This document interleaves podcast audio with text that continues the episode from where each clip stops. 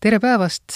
Maalehe taskuhäälingus Tervist on täna juttu laste ja noorte vaimsest tervisest. saatejuht on Liis Seljamaa ja me räägime sellest vaimsest tervisest meie lastel ja noortel Tartu Ülikooli Kliinikumi psühhiaatriakliiniku laste ja noorukite vaimse tervise keskuse juhataja doktor Reigo Repoga ja kliinilise psühholoogi Marta Valdmaniga teie peamine ülesanne ongi siis tegeleda meie laste ja noorte vaimse tervisega. ehk siis, kui tasakaal on käest ära läinud, siis lapsed-noorukid jõuavad teie hoole alla, kas on nii? Eh, jah, ennekõike noorukite psühhiaatrina, jah, mina teen ka kliinilist tööd, et siis äh, neid äh, igapäevaste lugude käsitlemist on igapäevaselt. ja siis teine pool on jah, minul üldse vaadata, et enam-vähem meie laste ja noorte psühhiaatriasüsteem meie kliinikus toimiks selliselt, et kõik saavad rõõmsalt tööd teha ja kui nad mingil põhjusel on väsinud, siis vaadata, et äh, kuidas me neid aidata saame. et enda vaimne tervis ei hakkaks ka kannatama? jah, meie töötajad on mõnes mõttes kindlasti suure riskiga tööl vaimse tervise mõttes et mina tunnen, et meil on jälle väga hea töökollektiiv, et selline õlatunne on täitsa olemas, et see on nagu päris hoitud, on töötajana olla seal. minu tööks on siis äh, erinevad uuringud, et kui laps tuleb, et kas on õppimises küsimus, meeleoluhäiretes, ükskõik, et et mis on selle lapse mure ja siis ka sellist sekkumist, et teraapiat, grupiteraapiat kui me räägime noorte vaimsest tervisest üldse, siis võib-olla võiks noh, ütleme laias laastus teha sellist äh, kaks jaotust, et äh, üks on siis diagnoositud võib-olla mingisugune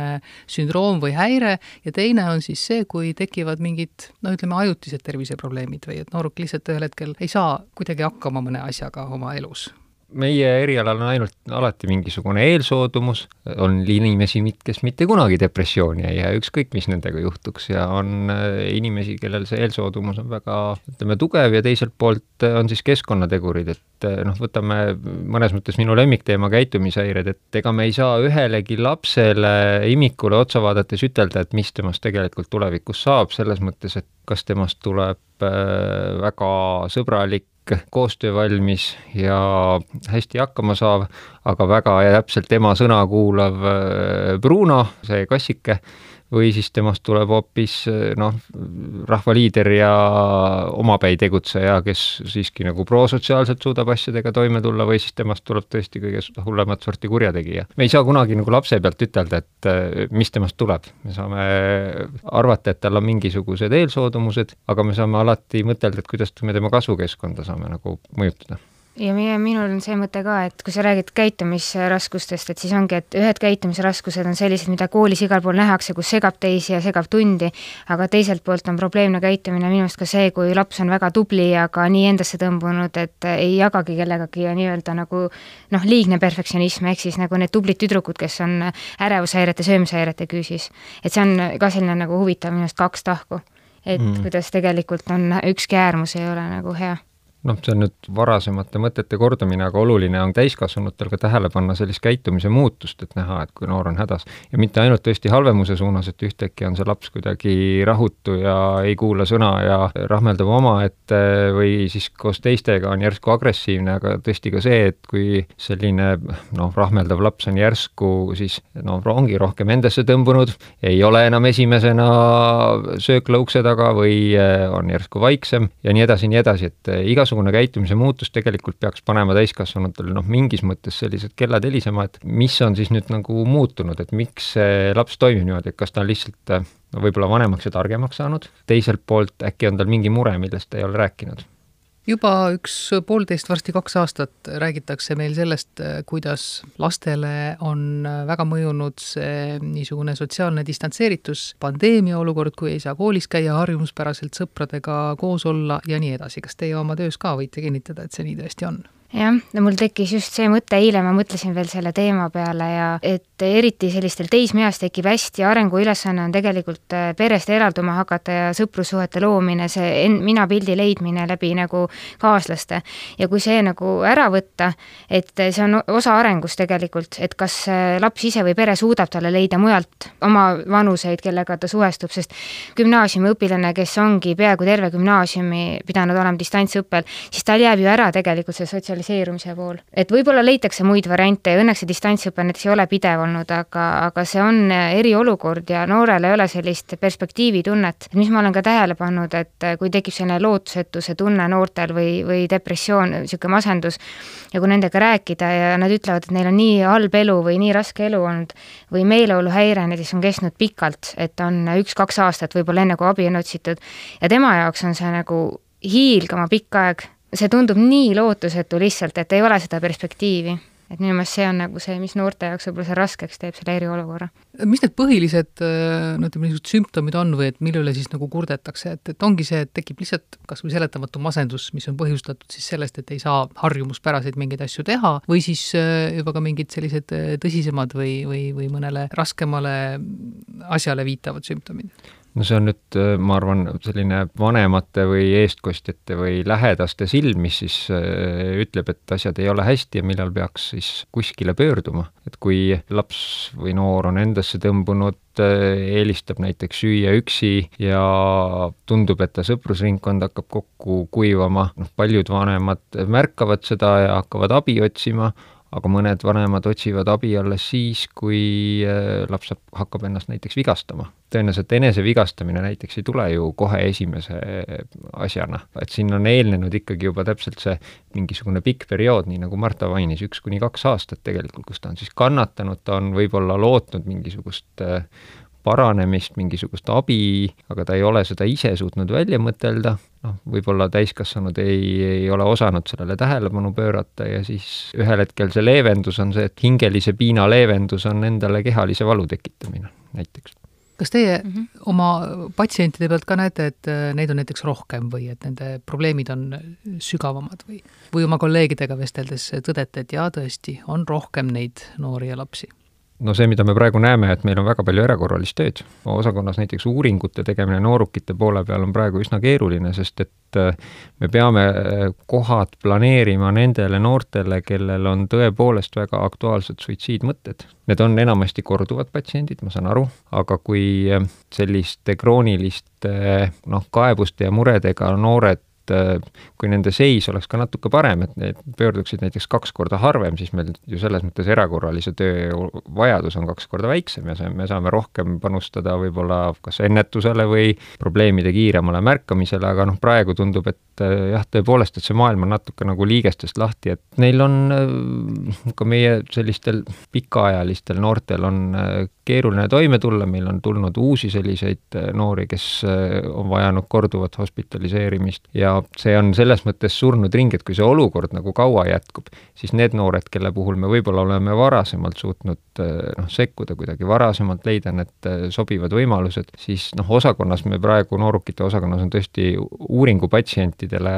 koha leidmine on üsna keeruline ja selle võrra ka võib ilmselt mingisugused mured jäävad varem avastamata ja varem sekkumata. Et siis on nagu selline emo tunne. No natukene nagu selline ikka psühhiaatriline emo jah, noh lasteosakonnas on õnneks äh, niimoodi, et lastel äh, nii erakorralisi olukordi on ju vähem ja me saame seda tööd paremini planeerida, aga ega tuleb tunnistada, meil on ka lasteosakonnas ju küllaltki pikad järjekorrad, noh seda enam, et kui siis selliste väiksemate nublude puhul võib-olla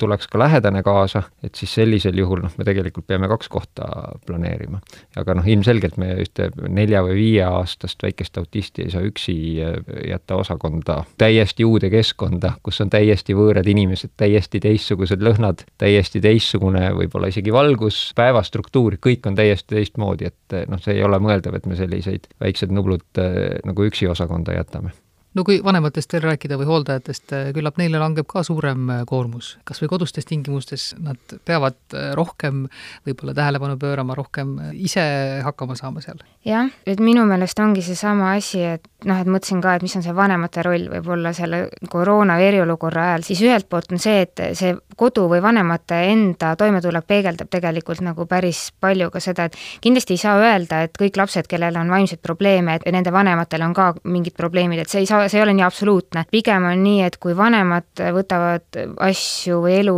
raskelt või neil ongi väga palju keerulist, et siis, siis see mõjutab väga palju lapsi ka ja on ju siin juttu olnud sellest, et inimesed on töö kaotanud,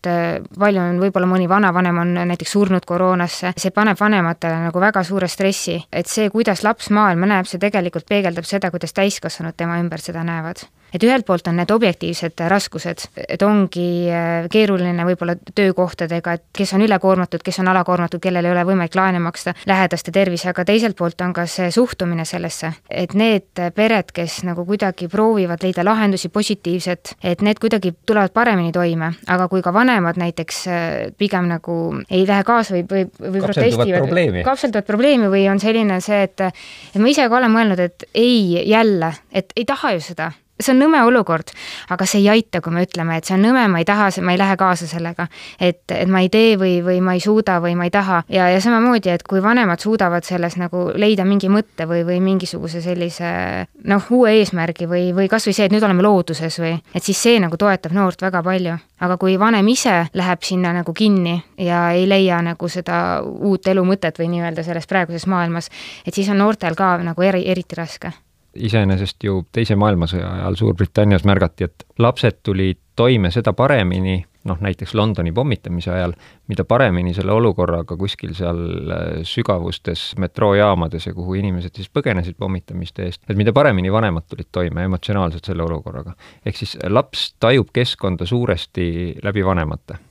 ja noh, natukene ka noor, kuigi noored on muidugi aktiivsemad, et see ongi nende see, et nagu Marta enne mainis, see arenguülesanne, et õppida tajuma maailma läbi enda eakaaslaste, mitte läbi vanemate, aga et noh, põhimõtteliselt, et mida paremini va need vanemad või lähedased toime tulevad selle kriisiolukorraga, seda paremini tegelikult noh, siis näeb ka laps, et ah, olukord ei olegi nii hull, sellega on võimalik toime tulla, siin on võimalik lahendusi leida ja sellel noh, lapsel on see lootus olemas, asjad toimivad. ja noh, võib-olla praegu, mis me oleme sellises omapärases ajastus, et mis võib-olla selliseid, võib ju peresuhteid üsna palju mõjutada, kus ühiskond on natuke nagu jagunenud, et eh, ühe väga suure teema ümber, see on vaktsineerida või mitte vaktsineerida. ja kindlasti need, eh, võiks öelda, isegi rindejooned lähevad ka perekondadest läbi. mis siis teha, et kui üks eh, pereliige on ilmselgelt veendunud, et see on vajalik, seda peaks tegema ja teine pereliige väga aktiivselt vastustab ja kui seal siis näiteks on kaheteist või kolmeteist või neljateistaastane noor, kes iseenesest, tal on ka võimalik vaktsiine saada. ja siis see üks vanem keelab seda,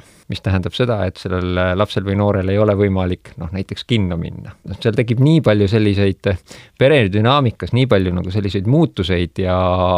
pingekohti, et ma ei tea, kuidas need pered nagu toime tulevad kas on ka otseselt äh, sellest samast pandeemiast põhjustatud äh, niisugust muret lastele, et nendeni jõuab kuidagi see teadmine, et äh, inimene võib jääda raskelt haigeks, nende pereliige lähedane, või et võib koguni ka ära surra, et võib-olla noh, asi, millega nad ei peaks veel tegelema, millega nad ei oleks veel tegelenud, ütleme siis, kui nad on tõesti väga noores eas, et noh, on selliseid patsiente mm -hmm. ka, kes tulevad, ma kardan, et mu ema-isa noh, sureb ära näiteks mm. -hmm. jah, ma ise mõtlen, et see on just seesama, et mis seal enne all oli, et mis tüüpi see, see laps ja see temperament ja need probleemid, et need, kellel on selline kalduvus, kõrge niisugune baasärevus, et äh, siis see teema kindlasti ka üks asi, mis sinna peale jälle nagu annab seda nagu materjali, mille osas muretseda. et need lapsed, kes ka enne muretsesid, et nüüd on, see annab nagu hoogu juurde ja on küll näiteks, kui on ennem olnud juba terviseärevus või näiteks selline enda osas erinevad sellised hirmud, et siis, siis see viirusehirm tuleb sinna peale või noh, paraku ka see keegi ei saagi garantiid anda, et me näeme ju seda statistikat, et vanainimesed päriselt surevadki, ehk siis nagu vanaema võibki päriselt ära surra.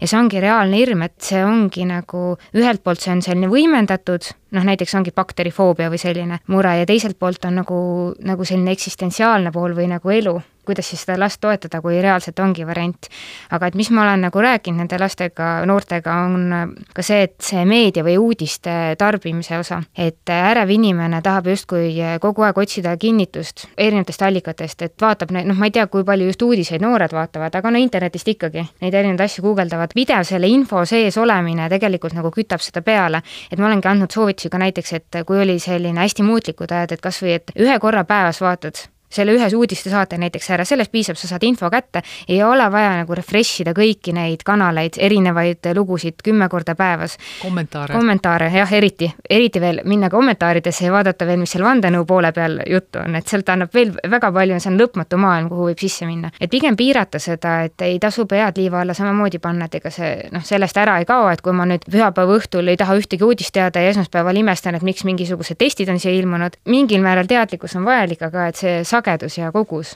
et see võiks olla nagu pigem nagu mõistlik, et ei hakka seal mäletsema nii-öelda seal muudkui uuesti, uuesti, uuesti. ja no terviseärevus liitub ka sellega, et ega meil siin praegusel ajal ju liigub igasuguseid viiruseid ringi, et me siin oleme ka, meie keskuses oleme muuhulgas ära diagnoosinud siis noh, näiteks paragripp, grippi ja siis metapneumoviirust ja nii edasi, et kui paljud eh, inimesed tegelikult teavad neid, aga, aga ma lihtsalt tahtsin jõuda sinnani, et iga selline muu haigestumine, siis see seotakse praegu kohe selle koroonaga. Ja siis eh, nagu ärevus juba enne ärevatel lastel või noortel kindlasti suureneb või kas või see, et eh, kui vanasti mõeldi, et oh, ei tea, kas nohu on haigus või ei ole haigus või noh, pigem ei ole nagu, siis nüüd on niimoodi, et inimestel on hirm saada nohu, sest et kui ma saan nohu, siis ma pean minema testima, siis mul hakkab pihta seesama asi, et ma ei saa oma elu elada, et iga pisimgi sümptom võib viia, isegi kui me ei karda sellesse haigestuda ja see ära surra, siis see viib ikkagi ebameeldivusteni. isolatsioonini võib-olla. jaa, terve pere ja. isolatsioonini, ütleme siis nii. tunned veel süüd ka, et ma haigeks jäin. Eh, vanemad siis jälgige oma lapsi tähelepanelikult, et kui on niisugust nähtavat äh, käitumisharjumuste muutust, meeleolu muutust, see võib olla mingisugune sündroom, teisest küljest peaks lastele rääkima, kui palju on nii-öelda nagu tervislik äh, siis infot tarbimine, et need on võib-olla niisugused põhiasjad, aga mida veel vanemad või õpetajad koolis näiteks või ka sõbrad saaksid teha, et võib-olla tähelepanu juhtida mõningale probleemile? mul tuli just see mõte, et näiteks kooli selle testimisega seoses, mida täiskasvanud saavad teha, et kui on mingid asjad, mida me ei saa muuta, et võime mi muidugi minna ja protestida lihtsalt kuskil, ütlema ma ei taha seda. aga no kui see ei ole niisama lihtne, laps läheb ikkagi kooli, et need asjad, mida me ei saa muuta, et kuidas neid aktsepteerida ja lapse jaoks teha seda asja vähem valutuks. et kuidas seda mõtestada näiteks, kuskilt ma nagu panin tähele, et Tartus oli ka üks kool, et kus prooviti seda teha nagu teaduskatset, seda testi. ja ma just tahtsin sinna ka jõuda, et Tartu katoliku koolis tõepoolest ju tehti avastusõpet, et õpitakse tundma, et mis asi on antikeha, mis asi on antigeen, mis asi on katsuti ja nii edasi ja nii edasi mm, -hmm. kõik need peened erialad sarnased terminid. et ei oleks seda nagu, et proovime ise rahulikuks jääda ja lapsele seda asja tõlkida, tõlgendada niimoodi, et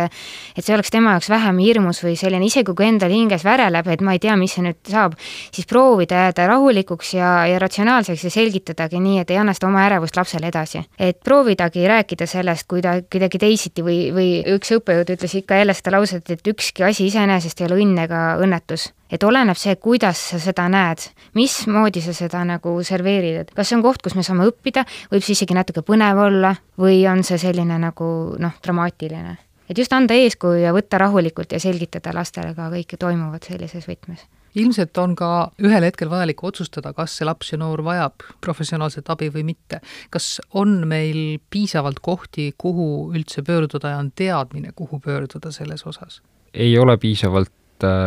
inimesi ja võib-olla sellise baastervishoiuteenuse mõttes või baastoe mõttes ei ole ka piisavalt kohti tõepoolest. noh, kõrgema taseme keskusi, kus me tegeleme kõikide häirete diagnoosimisega, et neid ei olegi mõtet teha liiga palju, aga just nagu sellisel valla tasandil, et oleks see koht, kas või teatud päevadel kuus, kus on teada, et laps või noor saaks pöörduda, et see süsteem vajab endiselt toetamist ja tugevdamist, et siin mõned aastad tagasi sai Norra projekti raames avatud need esimesed kabinetid, kus on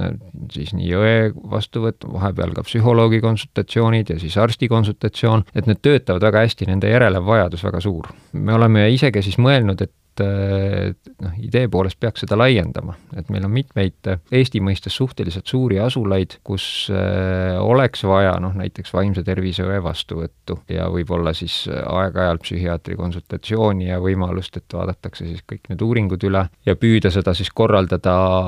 niivõrd paindlikult, et need pered ei peaks noh,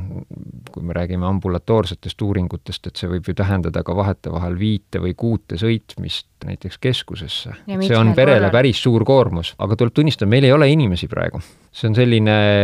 pikalt Äh, vindunud küsimus, meie siin praegu maadleme omade probleemidega, aga ma tean, et Põhja-Eesti on samamoodi väga hädas näiteks. et siin on küll nagu koht ka hariduspoole,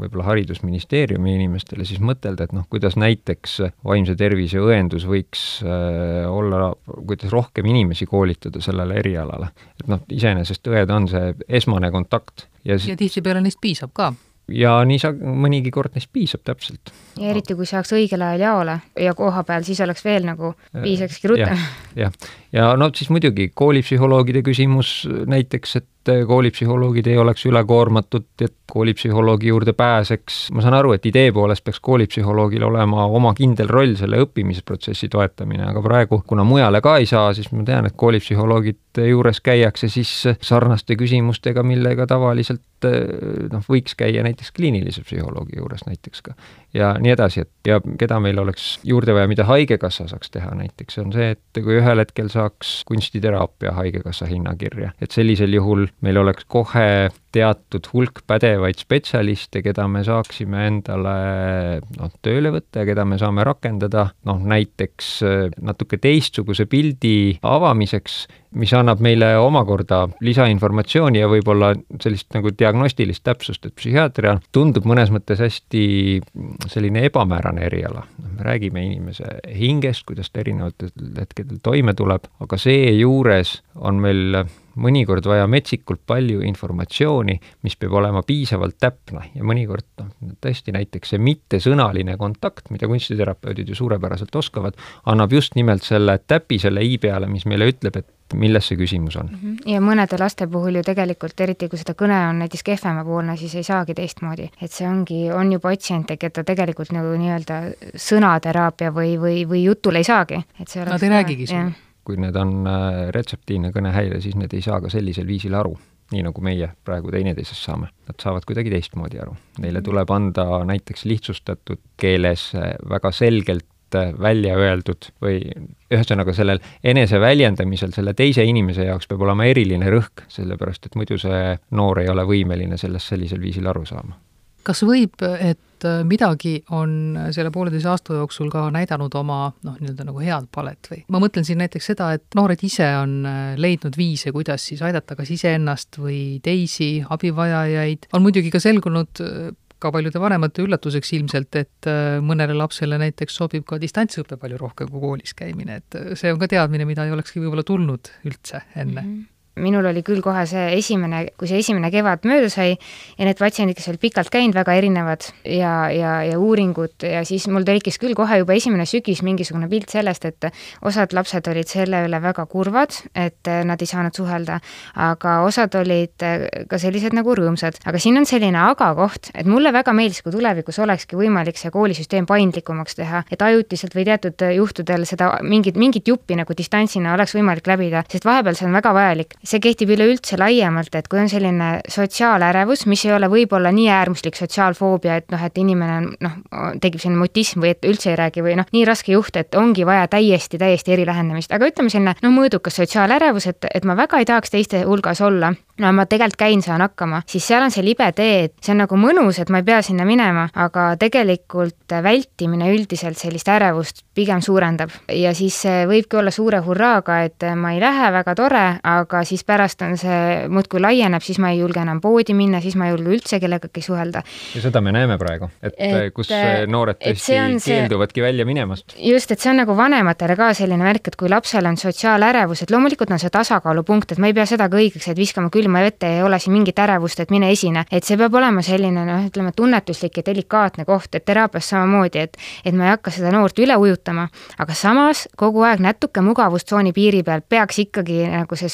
sotsiaalärev natukene ennast kogu aeg ka proovile panema. kes on tähelepanuhäirega noored, siis neile distantsõpe väga hästi sobib. kõrvalt see klassikaaslane, kes muidu kogu aeg torkis, nina nuuskas või võib-olla, kes pani tähele, mis seal akna taga toimub ja kus eh, mõni koerakene jalutab, tema sai rahulikult keskenduda sellele omale tegevusele, juhul kui vanemad olid näiteks telefoni õigeaegselt ära pannud ja talle rahuliku õppekeskkonna teinud, see on ju noh, peaaegu et üks-ühele õpe, eks ole, no okei okay,, seal ekraani taga on mitmeid inimesi. nii et eh, kes tolles olukorras nagu tahab õppida, tal on põhimõtteliselt rahulikum õpikeskkond kui klassis. aga kes on nüüd eh, näiteks eh, hüperaktiivne, et siis tema ei saa hakkama, tal on vaja kogu aeg seda välist kontrolli ja piiri, et sa pead nüüd siin olema, sa pead siin istuma ja see õpetaja kohalolek on ju ääretult vajalik selleks, et siis ennast nagu sundida selle ülesandega tegelema. nii et meil on põhimõtteliselt sama diagnoos, aktiivsustähelepanu häire, aga täiesti teistsugune mõju noh, võtangi kokkuvõtteks, et et nagu ma mõnele patsiendile ka ütlesin, kui see algas, kellel oli probleeme kohalkäimisega ja, ja äärmuslikumad vormid, selline sotsiaal, noh, foobia päris ja ei, ei suuda, siis, siis ma nagu ütlesin, et aga loodame, et sellest midagi muutub pikas plaanis positiivsemaks ja paindlikumaks ja ma siiamaani loodan, et kui see asi nüüd läheb stabiilsemaks ja õpetajatelt ka see koormus nagu tasakaalustab, sest praegu see on hullumeelne, mis neil on loomulikult, siis tegelikult tuleks see haridussüsteemi võib-olla natukene mõelda läbi rohkem ja, ja iseenesest siis see distantsõpe kui selline võiks ikkagi olla siin nagu tööriistakastis. et mm, -hmm. et see on see, mida mina loodan, et see nagu annaks